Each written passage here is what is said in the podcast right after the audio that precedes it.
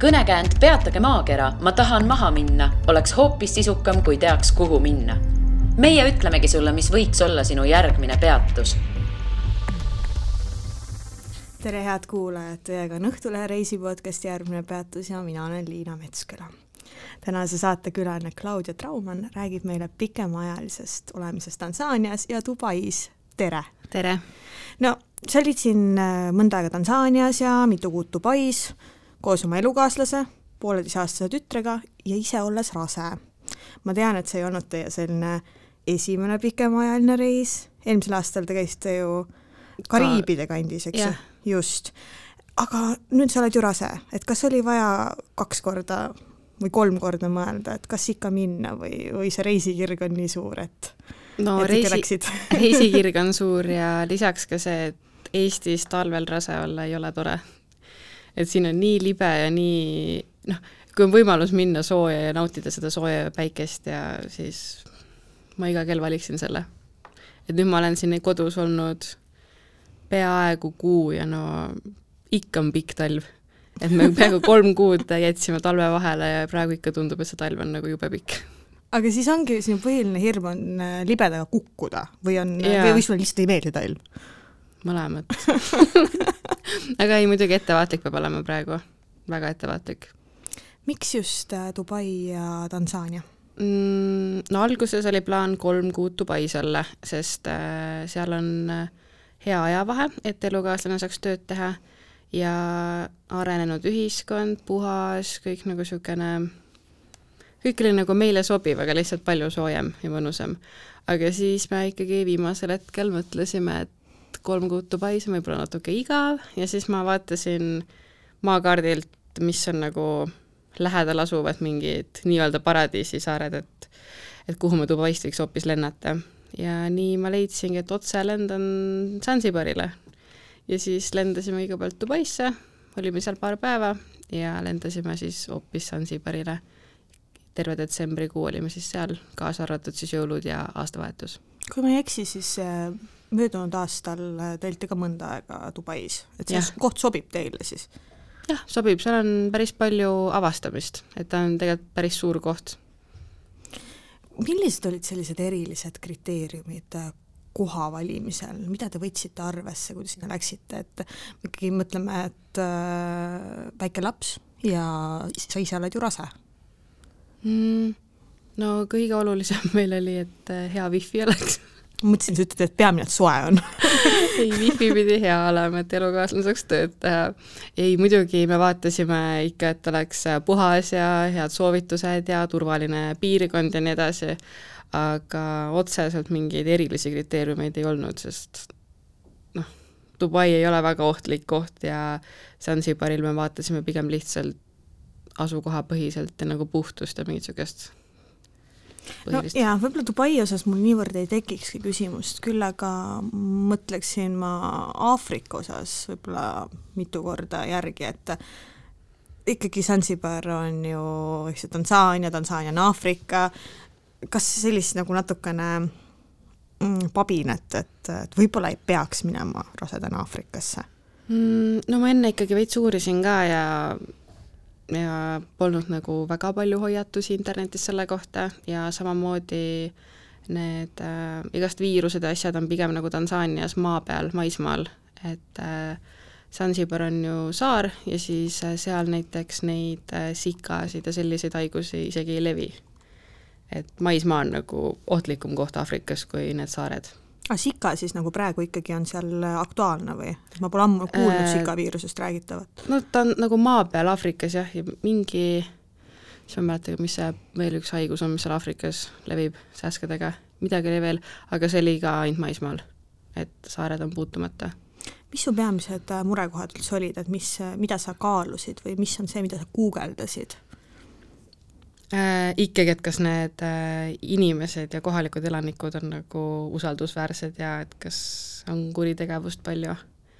aga kuna Tansaania ja Zanzibar on ka nagu suhteliselt moslemimaa, siis nendel on ju juba usu poolt väga noh, paika pandud, nad ei tohi teha mingeid suuri pättusi ja niimoodi, et siis usk karistab neid nii-öelda, et selles mõttes on, oli nagu turvaline, et samamoodi ka Dubais, et moslemid ei tohi tegelikult ju mingi varastada ja niimoodi aga need on sellised üldised, üldised murekohad Jah. ka, et et äh, mitte nüüd just äh, lastega seonduvalt, et sa peaksid äh, muretsema, et võib-olla iga, igasse riiki minnes natukene sellist, sellist teemat uurida. no eks see arstiabi oli tegelikult nagu ma ise mõtlesin enda seisukohas, aga no Zanzibar on natuke väiksem kui Saaremaa või no umbes sama suur vist.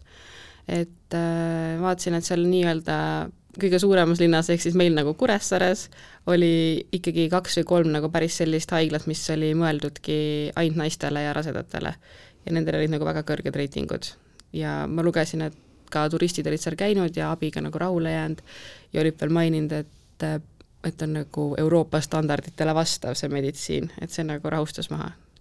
Et ma teadsin, et mul on vähemalt võimalus käia kuskil. aga sa ju käisidki, et tegelikult äh, sellesse perioodi, mis sa, mis sa ära olid, need mit, päris mitu kuud ju jäi, Eestis oleks mitu ämmaemanda visiiti mm, -hmm. arsti ultraheli, et äh, kus, kus ja kui palju sa käisid? Kõigepealt ma käisingi Zanzibaril, kui oli see järgmine kuu aja see nii-öelda ämmaka visiit, et kus mõõdeti, kaaluti ja edasi need olulised ultralid ma jõudsin täpselt Eestis ära teha. et see viimane lootanatoomia, mis on kahekümnendal nädalal, ma tegingi selle kaks päeva enne kahekümnendat nädalat, enne väljumist. et äh, kõige olulisemad asjad ma sain kodus tehtud hästi mõõdetud jah, täpselt. et äh, seal kohapeal jah, ma tegin niisugust nagu tavapärast kontrolli. miks nii, et äh, oli ikkagi selline suurem, võib-olla asi selles, et suurem usaldus Eesti arstide suhtes või usaldamatus Aafrika arstide osas, et, et mis mi,, miks, miks niimoodi? no seda lootanatoomiat ma poleks kindlasti Aafrikas teinud et... aga pidi ju Euroopa tasemel olema. jah, aga no ma ikkagi usaldan Eesti arste nii palju et selle ma hea meelega jätsin äh, koju. Aga ei, tegelikult seal ultraliaparaadid ja kõik asjad olid äh, põhimõtteliselt samasugused nagu meil. Et ei näinud niisugune vanaaegne välja või kuidagi teistmoodi. hinnad olid palju soodsamad erakliinikus, et äh, ma käisin ultralis, oli kaheksa eurot, et meil siin erakliinikus ma maksan mingi sada viiskümmend, sada nelikümmend, et see kaheksa eurot oli seal niimoodi, et lähed uksest sisse, ütled, tahad ultrali, maksad kaheksa euri ära ja siis juba võetakse nagu, nagu elava järjekorra alusel sind. põhimõtteliselt päevapraad äh, mm -hmm. Tallinnas? jah, täpselt ja sa said mingi lapsest pildid ja kõik äh, andmed teada ja ehk siis äh, nii-öelda see ämmaemanda visiit oli koos ultraheliga äh,? Eestis ju ei ole äh,? Ei, seal oligi, et saigi juurde võtta selle ultraheli kaheksa euro eest. ämmakas koos vereanalüüside ja muude proovidega oli äkki mingi kümme, viisteist. no väga vähe mm. -hmm. milline oli äh, visiit äh,, Tansaania moodi visiit ämmaemanda juurde mm,? no ämmaemand oli niisuguses natukene modernsemas majas, et seal oli kõik väga hästi, et ei tekkinud kordagi küsimärke, aga ultrali oli nagu paar tänavat edasi kõrvalmajas, kus olid õues kuked ja kanad nagu jooksid nagu välisukse juures reaalselt ringi. Ja ultrali see majakene oli niimoodi, et sa võisid sinna minna ükskõik mis asjaga ultralisse, mitte nagu see polnud rasedatele mõeldud. ja siis ma, ma alles ütlesin arstile, et ma olen rase ja ma tahan enda kõhust ultrali, kui ma olin seal pikali. ta küsiski, et mis kehaosast me ultrali teeme, siis ma mõtlesin küll, et appi aga ta tundus, et ta nagu sai asjad mõõdetud, sest et vastas suurusele nagu nädalatele, aga ta ütles, et ma ootan tütart, aga Eestis igal pool öeldi, et ma ootan poega. nii et siis see pani mind veits kahtlema, et kas siin tõesti siis see Aafrika arst nüüd näeb ainsana tüdrukut, et keda nüüd uskuda. aga ma ikkagi jäin äh, Eesti arstidele kindlaks see oli nii, ma ei tea, ikka imelik. ta oli väga veendunud, et see on tüdruk ja isegi siis, kui sa ütlesid, et kuulge, mulle on öeldud korduvalt, et on poiss, ta mingi ei, tüdruk. jah, ta ütles, et äh, küsis, kas okay. esimene on poiss või tüdruk, ma ütlesin tüdruk, ta ütles, et nüüd tuleb ka kindlasti okei okay., kuidas nende suhtumine sinusse kui patsienti oli, et nii ämmaemandatel kui arstidel, et, et kas selline tull tuleb siit äh, Euroopast, me kummardame teda või või pigem võib-olla nipsakas või, või mm -mm, hästi ninnu-nännu ja hoolitsev Aa, okay. ja nad väga nagu hoidsid. kas, mis, mis sa arvad, kas see võib olla, et nad ongi üleüldiselt arstide suhtes või sinu kui turisti suhtes olid eriti ninnu näinud? mis sa arvad? no esiteks ma arvan, et see kliinik, kus ma käisin, siis seal ei käigi kohalikud. et see on kohalikel hea, kui nad üldse kuskile arsti juurde vist nagu väga kontrolli nii-öelda lähevad ja ultrali saavad. et see oli ikkagi ainult erakliinik ja teised patsiendid, kes seal olid, olid ikkagi valged. et kohalikke nagu patsiente ma ei näinud. see kaheksa eurot on siis kohaliku jaoks liiga palju? jah. issand, kui kurb tegelikult. no see kaheksa eurot oli näiteks Tansaanias äh, vetikakorje kuupalk. vetikakorje ja kuupalk mm, kaheksa eurot? kuupalk, jah okei okay., okei okay,, vau. Äh, siis tõesti ultralisse vist ei lähe mm. -hmm. aga kuidas, kuidas see vetikakorjaja üldse siis oma elus hakkama saab, et äh, on, on ju vaja toidu eest maksta ja ja kodu eest ja mis iganes muude no muude me käisime seal äh, vetikafarmis tuuril ja siis giid ütles, giid oli mees, ütles, et äh, nagu siin tööl mehi kunagi ei näe, et siin saab nii vähe palka, et nagu mitte ükski mees ei tule niisuguse töö peale. et naised käivad ja korjavad ja hoolitsevad nende vetikate eest ja noh, ma arvan, et nad kasvatavad endale ise süüa ka, et ja nende majad on seal ju ka nagu kohalike, kohalike majad on ikkagi niisugused savijonnid ilma akendeta, uks on ees, aga nagu majas on lihtsalt üks ruum, kus nad nagu on kivipõranda peal. et noh, ma ei tea, võib-olla see kaheksa eurot on piisav siis kuidas, kuidas Dubais oli siis äh, seesama olukord, et mis sa siin Tansaanias rääkisid, et kuidas seal need äh, haiglad ja arstid ja ämmaemandad olid? sa ju mm. pidid seal ka käima. jaa, aga seal ma käisin juba niimoodi, et mul tuli mingid kahtlased alakõhuvalud ja vaagnavalud, et mis ei lasknud nagu mul igapäevast elu eladagi enam. et äh, need läksid õnneks kindlustuse alla, sest et et Dubais need hinnad olid ikka natuke teistsugused mm,. mul läks äkki vist ultrali koos visiidiga, ämmaka visiidiga nii-öelda midagi kuuesajaga kokku. okei okay,, seda on juba päris palju mm. -hmm. kas äh, kui minna ainult ämmaemanda juurde, on see odavam? Äh, no see oli vist äkki nelisada. no selles mõttes, et tead, seal mm -hmm. on mhm. ikkagi kallis, jah. kuidas seal suhtumine oli? Kohalikesse, see oli nüüd siis ka selline erakliinik või oli ka kohalikke seal? Äh, see oli erakliinik, aga noh, mis need Dubai kohalikud on, et need ongi kõik muumaalased, kes on sisse sinna rännanud ja elavad ja teevad tööd. et need inimesed, niisugused, kes seal ehitavad nii-öelda neid maju ja kes on nagu kehvemal elujärjel, nemad ei käi ikka sellistes kliinikutes. aga ma vaatasin lihtsalt enda kodule lähima kliiniku ja vaatasin arvustusi, et oli tore ja inimesed olid rahul ja hinnakirju seal üleval ju pole. et äh, aga ma nagu lohutasin, et mul on kindlustus, et äh, saab hakkama. kuidas valida rasedana kindlustust? no mul on Swedbanki selle kuldkrediitkaardiga kogu aeg kindlustus peal, aga ma vaatasin, et ta kehtib kuni kahekümne kaheksanda rasedusnädalani ja mu reis kestis kolmekümne kolmandani ja kui mul see tervisehäda oli, siis äh, mul oli kakskümmend seitse nädal. Ja lisaravi, ma pidin käima füsio juures, füsio üks kord oli üle kahesaja. Ja siis ma veel uurisin äh, ka kindlustuspakkujalt, et noh, kuna nädalad on ületatud, aga ma pean ikkagi käima nagu arsti juures järelravil, et kas nad nagu katavad selle ka. Ja siis nad ütlesid, et kuna tegu on järelraviga ja ma nagu nii-öelda see haigeks jäin siis enne kahekümne kaheksandat, et siis nad katavad.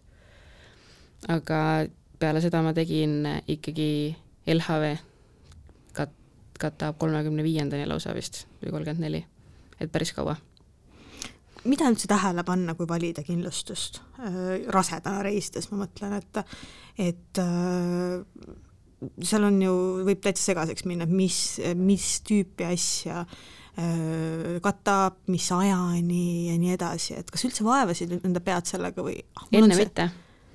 siis kui häda mm -hmm. käes oli, siis vaatasin mm -hmm. ja siis ma nägingi, et mul on väga piiri peal see nädalad. Et äh, ja siis ma uurisin vist kõik Eesti kindlustuspakkujad peaaegu läbi ja ega LHV oli põhimõtteliselt ainus, kes pakub üle kolmekümnenda nädala mingit kindlustust rasedale. teistel on siis põhimõtteliselt null enda vastutus? jah, kuna liiga kaugele on juba rasedus arenenud, et siis noh, sünnitused on kallid välismaal ja eks nad ei taha nende eest maksta siis lihtsalt.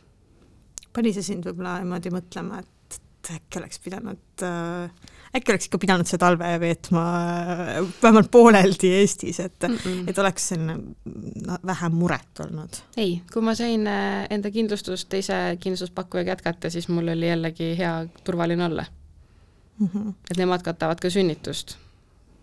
et kui peaks juhtuma enne kolmekümne viiendat nädalat, siis ja ma teadsin, et ma tulen enne koju sa tundud hästi chill olevat, et, et, et ei ole vist väga selline paanitseja appikene, et mis saab mm? -mm. ei ole. ma ei tea, kust see tulnud on, väga hästi, hästi chill'ilt räägid, et aa ei, ma ei, peamine, et ma siin talvel ei pea olema. kumb on suurem muretseja, kas sina või sinu mees? mina ei tea, ma arvan, et ma olen selle chill'i oleku temalt võtnud, sest et mu arust tal, tal on alati nagu vastus ja lahendus kõigile mu muredele või mingitele olukordadele, mis meil tekib, et et noh, ta ei lähe nagu närvi.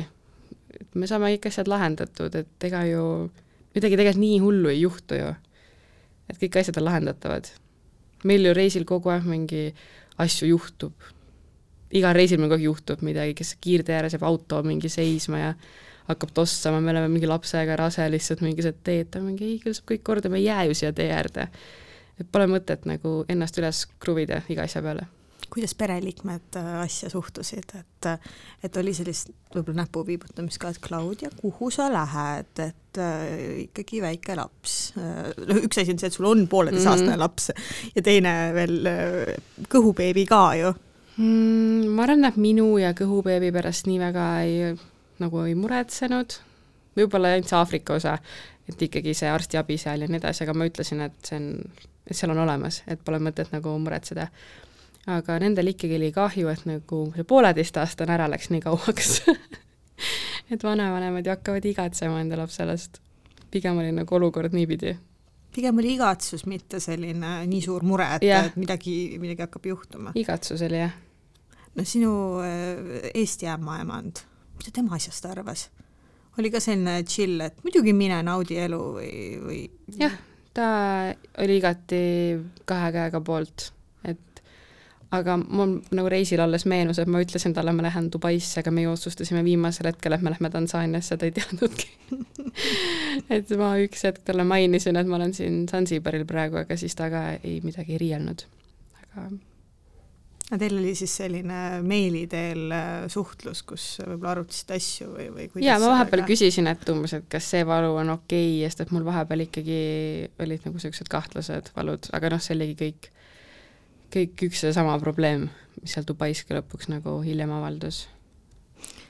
tunned sa üldse, et ähm, et sa oled äh, nüüd rasedana, teist korda rasedana reisides julgem kui esimesel korral, et sa tunned, et sul on võib-olla teadmisi rohkem, tunnetust, äh, midagi on muutunud võrreldes eelmise korraga mm,? et just nagu rasedana reisides või? jah.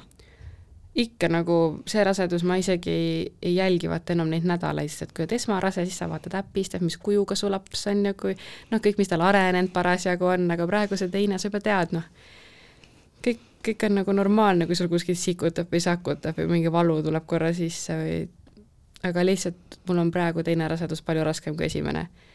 et nagu ma ei tea, lihtsalt kuidagi kannan teistmoodi, keha on väsinud ja igalt poolt nagu valutab ja surub ja noh, ei saa nautida tegelikult nii palju kui esimene kord. kas äh, oli, oli siis reisil äh, Äh, reisil ka niimoodi kohati, et ah, ma tahaks pigem olla siin voodis, mitte nautida siin äh, Dubai vaatamisväärsusi. jah, sest et äh, tu-, nii kui sa Dubais uksest välja lähed, sul tuleb laks kakskümmend tuhat sammu. Et kui sa seal üritad kuskile midagi jõuda. ma näiteks vahepeal tahtsin ainult käia Dubai moolis ühes poes ja mul läks nagu viisteist tuhat sammu selle peale, et käia seal keskuses, sest et see on nii suur. ja no arst ütles mulle seal Dubais, et ma tohin maks viisteist minutit järjest kõndida nagu mis sa teed viieteist minuti kõnnakuga, isegi Eestis ei käi poes ära ju. et seal ikkagi pidevalt ma läksin nutt kurgus koju, et noh, valus oli. Aga ma ei tahtnud ka kogu aeg ühe koha peal passida, aga noh, see oli jah niimoodi, et ma vahepeal nagu jätsin lahedaid tegevusi ära ja siis teised käisid tegemas. aga noh, see oli halb jah rääkides selles Dubai moolis käimisest, et ka selline, selline võimalus, et sa vahepeal lihtsalt istud viisteist minutit ja puhkad, see ei aita, et, et ikkagi vaatamata sellele sa oled hästi väsinud ja mm, -hmm. ja ei jõua liigutada mm. -hmm. diivanil külili. võõras kohas diivanil külili võib-olla ei, tundu nii, nii apetiitne olevat. jah, aga vähemalt ma teadsin, et äh, õues on mõnus soe ja lapsel on mõnus soe käia väljas mängukatel ja niimoodi, et et kas ma pikutan Eestis siin külili või Dubais, et teistel oli ikka mõnusam. No aga räägime siis vahelduseks, vahelduseks ka sinu pooleteiseaastasest äh, tütrest. kuidas temale meeldis?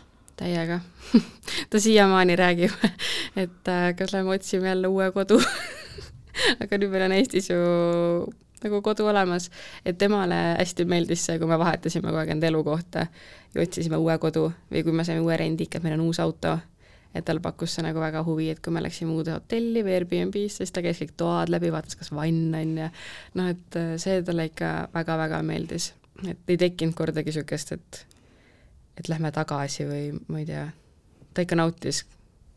miks te tihti üldse elukohta vahetasite, et ähm,? sest et äh, me tahtsime katsetada Dubais erinevaid rajoone ja meil käisid äh, mõlemal äh, pered külas, siis selleks perioodiks me nagu rentisime suuremad korterid, et kõigil oleks mõnus oma tuba magamiseks ja siis mul käis sõbranna külas ja et meil oli äkki ikkagi mingi viis erinevat korterit Dubais kahe kuuga. On äh, Dubai ja Zanzibar head kohad, kuhu väikese lapsega reisida ja miks mm,? No Zanzibarile ma tegelikult ei läheks enam väikse lapsega, sest et seal ei saa käruga liikuda, et seal on ikkagi nagu teed on olematud, hästi auklikud, kui vihma sajab, kõik uputab, on ju. et põhimõtteliselt äh, seal on hea olla, kui lähed hotelli, mis on nagu rannas ja siis sa sööd, puhkad, oled nagu seal hotelli rajoonis, mis on nagu korrastatud nii-öelda, et siis on nagu lapsega mugav. aga meil tegi kogu Sansibari reisi lapsega mugavaks rendiauto, et isegi kui meil oli mingi nelisada meetrit minna randa, siis me läksime autoga. et me viskasime enda ujumisriided ja rätikud ja asjad autosse ja sõitsime sellega kohale. et jalgsi lihtsalt, kas sa tassid teda süles või, või noh, muud varianti põhimõtteliselt ei olnudki, sest ta ka ei tahtnud seal muda sees ja mingites kivide vahel kõndida et äh, auto oli väga-väga vajalik kuidas turvavarustusega, lapse turvavarustusega üldse seal Sansibaril on, et kui rendid auto, kas siis antakse see ka kaasa, tassid ise kaasa või paned lihtsalt äh, nii, nagu kohalikud äh, sätivad autosse? seekord me võtsime enda turvatooli kaasa Eestist, kuna me teadsime, et me rendime kolme kuu jooksul nagu igal pool auto, et siis seda on nagu paratamatult vaja et rendikohtadest on, oleme siiamaani suht kehvad saanud ja noh, taksod ja vahepeal mingid otsad on siis niimoodi nagu kohalikud, et süles lihtsalt. on selline äh, natukene värin ka, et äh, ilmselt see liiklus on selline, nagu ta on seal, võib-olla natuke liiga hoogne võrreldes Eestiga. no Dubais me ikka niimoodi süles äh, ei sõidutanud, seal on mingid kaheteistrealised kiirteed, aga Zanzibaril jällegi seal on teed nii auklikud, et ma ei tea, jalakäijad ka kõndisid kiiremini kui me autoga et seal ei saanud väga, väga kihutadagi minu meelest ma olen käinud kunagi Dubais, sellest on päris hea ports aastaid möödas ja hulk riike on ka käidud pärast seda läbi. ma mäletan justkui ei, ei olnud ka Dubai väga selline jalakäijate paradiis. et äh, sina tõid just välja Sansibari et Zanzibaril väga ei saanud äh, käia, et pigem igale poole autoga, et kuidas, kuidas see Dubaiga oli? no see... ikkagi sama, ikkagi autoga. Et äh, näiteks minu vanematega me olimegi Dubai moolist mingi, ma ei tea, kolmsada, nelisada meetrit niimoodi üle ristmiku, aga see ristmik oli nagu nii rets ristmik, et seda ei saanud ületada jalgsi. et nad saavad nagu nii lähedal, aga samas sa oled nii kaugel, sest et lihtsalt neid ridu on nii palju ja need on kiirteed ja nagu et sa pead ikka vaatama, kuhu sa selle korteri võtad. et kui sa oled juba üle suure-suure selle maantee, siis noh, jala ikka on väga suur katsumus, et üle saada. pead ka otsima mingi metroo selle tunneli või mingi asja, et käigu, et kas maalt või pealt on mingi ühendus tehtud mis su nipid siis on, et leida selline pädev koht, kus ööbida, et mitte astuda ämbrisse, et sa oledki nagu teisel pool ristmikku ja sa ei saa sealt lihtsalt jalgsi kuidagi üle. ja polegi nippe, sest me olime üle ristmiku et äh, jah, ma arvan, et tegelikult peaks lihtsalt natukene rohkem mingi Google Maps'i sisse panema, vaatama neid jalakäija trajektoore, neid äh, teekondi. et kui ikka seda paarisadat meetrit sa kõnnid nagu nelikümmend minutit, siis noh, järelikult sealt ei saa läbi mõnikord ämbrisse ka astusid või? ma eeldan, et pakun, et see oli sinu ülesanne neid kodusid leida või, või mees ka figureeris selles? ei, ta ei teadnud üldse, kus me oleme astusid sa ämbrisse mõnikord, et nagu pekkis läks nii halvasti või siis hoopis mõni asi läks väga hästi? Ei teagi, otseselt nagu nii hullu midagi ei olnud, et äh, pigem lihtsalt äh, kõik see ehituskvaliteeti asjad äh, majades andsid nagu soovida, aga seda ei saa enne nagu kindlaks teha. Et mõni pilt oli lihtsalt nagu nii ilus äh, korteril, aga tegelikult oli ikka niisugune nagu iganenud, noh, et ületöödeldud pildid, et jätsid väga uhke luksusliku mulje, aga koha peal ikka oli niisugune, et ikka oli juba hallitust ja mingi asjad lagunesid ja käepidemeid polnud ja et see, niisuguseid kohti oli, aga enamasti oli okei okay aga ja ilmselt maksid ka päris palju nende eest, mis siis, et nad olid sellised iganenud, sest see on Dubai. ikka, seal ikka maksad aga vaadates sinu äh, Insta story sid, siis minu meelest mul jäi silma, et, et sa kiitsid ka mingit kohta seal Dubais, mingit äh, ööbimiskohta, mis tegelikult ei olnudki piltidel midagi väga erilist, aga tegelikult olid, ma ei tea, mis kõik lisa, lisavõimalused juures. mäletan ma õigesti, oli ja, midagi taolist? seal oli vist äh, jah, lisaks korterile seal oli juures veel äh, kolm jõusaali ja kolm mänguväljakut oli tenniseplats, squashi väljak, siis oli piljard lauajalka ja kõik oli nagu täisvarustusega, et sa ei pidanud nagu ise mitte midagi, nagu näiteks isegi palli kaasa võtma või reketeid või midagi, et kõik oli nagu olemas, saunad olid igal pool olemas, et tegelikult hüvesid on nii palju ka Airbnb korteritel, et ei ole ainult, et hotellis on lahe ja su peale mõeldud, et on lisategevusi, et nendes majades seal Dubais on elanikele ka ikkagi igast asju välja mõeldud bassein oli ka, ma viskasin kõrvust mööda. jaa, bassein oli no igal pool väga palju. et kõik asjad on tegelikult Airbnb-s olemas. et väga, väga lahedad kortermajad on seal Dubais. no ega ilmad on ju päris, päris soojad sel perioodil, äh, näiteks Tansaanias on ju mm, -hmm. Dubais vist on ka? No Dubais oli päeval oli lühikeste varrukate ilmaga, õhtul panime pusad peale. Okay.. jaanuaris siis. No lihtsalt sa enne mainisid, et rase olla talvisel ajal on väga keeruline mm -hmm. Eestis. Aga mina jällegi olen kuulnud, inimesed ütlevad, et et oh, see suve, suvine aeg suvise kuumusega on kõige hullem olla lõpurase. no ei tea, pole olnud. Et äh, seal tegelikult me ikka olime vilus ja niimoodi, et ma nagu ei saanud nagu nii hullu leitsakut, et või noh, ma ei tea, võib-olla see Eesti kuumus siis osadele rasedatele mõjub kuidagi teistmoodi. et, sina ei, ei tajunud sellist? et, et kuumusega tappikene ma ei suuda üldse olla, et ma ei tea, tahaks konditsioneeri ei no seal Sansibaril ikkagi oli nagu soe, aga see soe oli kõigi jaoks tegelikult seal ikkagi nagu liiga soe, et äh, inimesed ikkagi kõik olid varjus ja käisid ujumas ja siis läksid jällegi nagu varju, et et see ei olnud mulle midagi teistmoodi. Et last me hoidsime ka pigem ikka päikse käest eemal, sest et see päike oli lihtsalt nii terav seal aga majutuskohad olid ikkagi konditsioneeriga ja mõnus oli. kuidas nii Dubais kui Tansaanias väikestesse lastesse suhtutakse? liiga hästi miks liiga? see oli lihtsalt juba lõpuks ahistav, eriti Zanzibaril, et kõik võtavad sülle, mingid teenindajad, vaata siis laps mingi kohkub jälle mingi, eriti alguses ju Aafrikas, et äh, inimesed on ju tumedanahalised, niisugused suured mehed tulevad, võtavad, tõstavad tema nagu söögitooli restoranis, et ta nagu kohkus ära, et miks mingi võõras suur mees mind tõstab, vaata. aga lõpuks ta sai aru, et äh, seal ongi inimesed sellised, on ju, et ta õppis seal ära kohalikega ruska tegemise ja mõned kohalikud äh, ütlused, noh, tervitused ja niimoodi, et siis talle nagu meeldis pigem see tähelepanu. aga alguses see kohutas nagu meid kõiki ära, et pidevalt meile mingi öeldi, et aa, et anna ta meile paariks nädalaks, et nautige teie puhkust ja võõrast, võõrad ütlesid nii? jaa, jaa, restoranides mingid teenindajad minge teie nautige, et me hoolitseme su lapse eest. Ja noh, ma ütlen, et Eestis, kui keegi niisugust asja ütleks, mingi helistataks lastekaitsesse ja kuskil politseisse ja nagu seal on ikka asjad teistmoodi. No mul endal oleks äh, väike hirm ka seal, et, äh, et mingi lapseröövi planeeritakse või et pärast nagu nende sõnade taga peitub midagi, on ju, aga ei, seal nad tundusidki pigem niisugused, et et sinu laps ja meie laps ja hoolitseme kõik su lapse eest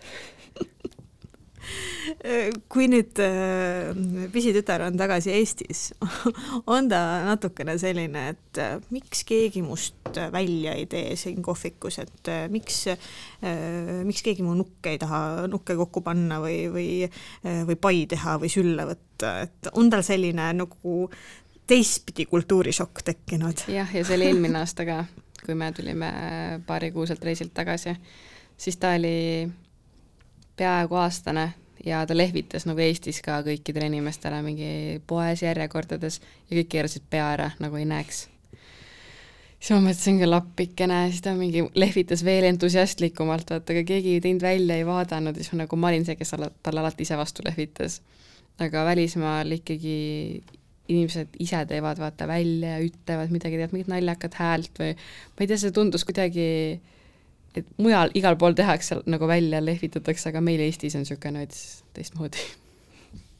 kuidas väikese tütre meelt lahutada, kui, kui te niimoodi pikemaajaliselt olete välismaal mm,? ostsime ikkagi mänguasju, värviraamatuid äh,, mänguväljakud on äh, igal majal tegelikult olemas okei okay,, Sansibaril oli küll mänguväljakut, aga nii tuuga, et et seal ikka ühte vist nägime, aga see oli ka niimoodi, et õudusfilmist näed niisugust, et pooled asjad ära lagunenud ja niimoodi pikali maas ja heina kasvanud, et siis me klaasikillud leidsin talle mingi kiigu ja siis tegin talle hooga, ta oli nii õnnelik, aga ise ma vaatasin küll, et issand, issand. no kohalikud lapsed jällegi käivad mänguväljakutel või noh, nendel ei ole niisugust asja. kus nemad siis käivad, kus nemad mängivad? või no, teevad juba tööd? Äh, no nad olidki tänavatel lihtsalt, paljalt kiilaks aetud, niisugused mängisid prügiga. noh, et mingeid mänguväljakuid või asju ei olnud seal. et mänguväljakuid me Sansibäril nägime ikkagi äh, hotellialades, me ise ei olnud sellistes hotellides, kus mingid mänguväljakud ja tuled-viled olid, aga me käisime vahepeal nendes resortides nagu õhtust söömas või mingit nii-öelda programmi vaatamas, kui polnud midagi muud teha, et siis seal sai mängida ka kui palju te üldse selliseid äh, vaatamisväärsusi ja atraktsioone just äh, lapsest lähtuvalt valisite? et, et temal oleks lõbus peale nende siis mänguväljakute, mida mõnes kohas oli ja mida mõnes ei olnud? no peaaegu ikkagi kõik olid niimoodi, et me mõtlesime, et tal lahe oleks, et me ei käinud sellistes kohtades, kus talle ebameeldiv oleks et mingites igavates kunstigaleriides me ei vedanud teda kaasa, et me käisime sõbrannaga kunstigaleriis äh, siis, kui ma sain kahekesti temaga minna, sõbrannaga koos siis. aga ei, ikkagi iga päev oli eesmärk lapsele midagi lahedat pakkuda ja seal Dubais on näiteks nii palju võimalusi, et et lihtsalt saigi käia iga päev ja näidata midagi ägedat ja ta siiamaani räägib nendest asjadest, kõik need purskkaevushow'd ja seal on nii palju mängutube, kus on selliseid elektroonilisi asju, mida meil näiteks pole, pole näinudki. et lahe, et oli ja kahju, et siin ei ole nii palju võimalusi. aga anna mõned nõuanded, kuhu minna, et ma saan aru, Sansibaril väga vist ei ole, kui, kuigi kui sa sealt leiad mõne noh, seal on rannad, rannad ja saab vee sees palju möllata ja niimoodi, et teha teistsugune puhkus nii-öelda. aga Dubais me ikkagi nagu elasime nagu, elasime, et nagu Eestis, lihtsalt seal oli soojem ja siis ikka pidi päevakava nii tegema, et äh, kõikide nagu vajadused oleks rahuldatud. ja siis me otsisimegi mänguväljakuid, ma guugeldasin kogu aeg, mida teha lapsega, kus on mingeid akvaariumeid või mingeid väikseid loomaaedasid ja noh, neid on seal tegelikult hästi palju. et ikka vaatad, kus sa ise parasjagu oled, noh ehk meie enda majutusega, et kus kandis olime mis lähedal põnevat on aga anna mõni konkreetne nõuanne, et mis oli tõesti väga meeldis äh, lapsele, mis meeldis kas või ka teile mehega, mis on tõesti väärt, väärt käimist? Mm,? me, mees ei käinud seal, aga ma käisin enda pere ja lapsega, oli Aia Universe, see on selline äh, tuleviku mingi valgusshow muuseum või mingi näitus, et seal hästi palju oli mingeid tulesid vilkusid ja mingeid efekte, veeefekte, valgusshow'd, erinevad toad, temaatilised, et sa olid nagu, kõndisid ringi, et sa olid nagu kosmoses, et sa isegi ei saanud aru, et sa kõnnid nagu maa peal, et kõik lagi, seinad, põrand olid sellised nagu teistsugused, ühesõnaga see oli nagu täiskasvanutele äge koht ja lastele ka nagu väga lahe koht. Ja kui lihtsalt teed minna, siis seal Dubai Mallis ju on see akvaarium, aga sinna akvaariumisse ei pea sisse minema, et piletit osta, aga seal on see suur akvaarium ja kalasein äh, juba väljas kõikidele vaatamiseks. ja see meeldis nagu iga kord et sellest ei tüdinenud kordagi ära. kas või iga päev võib mm? käia see on nii suur ja nii palju kalu on ja nii põnev ju. kuidas neli kuud välismaal mõjub väikesele tütrele? arendavalt. ta nagu äh, selle ajaga, mis, mil me reisil olime, ta õppis nii palju. Ma ei tea, ta on nagu täitsa teine inimene, kui ta tagasi tuli, et teised ka ütlesid, kes seda arengut nägid. no mis osas teine inimene? Äh, kõik kõne ja ta on nagu kuidagi nii iseseisev ja täiskasvanulik ja nagu hoopis äh, no, suur tüdruk. pooleteistaastane mm. -hmm. et ma ei tea, poti peal hakkas seal päevapealt käima ja juttu tuli ikka nii palju, et et ta tõesti arenes palju, ma küll ei tea, miks, sest et ometi ta ei puutunud vaata väga kokku mingite teiste inimestega seal. aga ma ei tea, ju ma, ju ma ise arendasin siis teda seal hommikust õhtuni. kui kalliks üldse läheb selline asi? neli kuud välismaal niimoodi? no meil oli umbes kolm kuud, et oli kolm kuud? jah. aga päris kalliks, me, eelarve läks ikka mitmekordselt, kordselt lõhki. et ikka väga-väga palju aga oli, oli ikkagi selline emotsioon, et see, et see on seda väärt mm,? ma ei teagi, vaata, ma vahepeal kui ma sain teada, kui palju meil reis on kokku läinud, siis mul tekkis küll juba mingi ohohoo, et kas ikka oli vaja, aga siis elukaaslane ütles jällegi, et nagu, et naudime ja midagi ei juhtu. et ma arvan, et tegelikult see oli seda väärt, aga lihtsalt nagu veits oli niisugune üllatav, et nagu nii palju raha kulub. seal ei pane nagu tähele tegelikult seda, aga Dubais ka ikkagi iga asi maksab rohkem kui Eestis ja siis lõpuks need päevakulutused on juba päris suured ikkagi.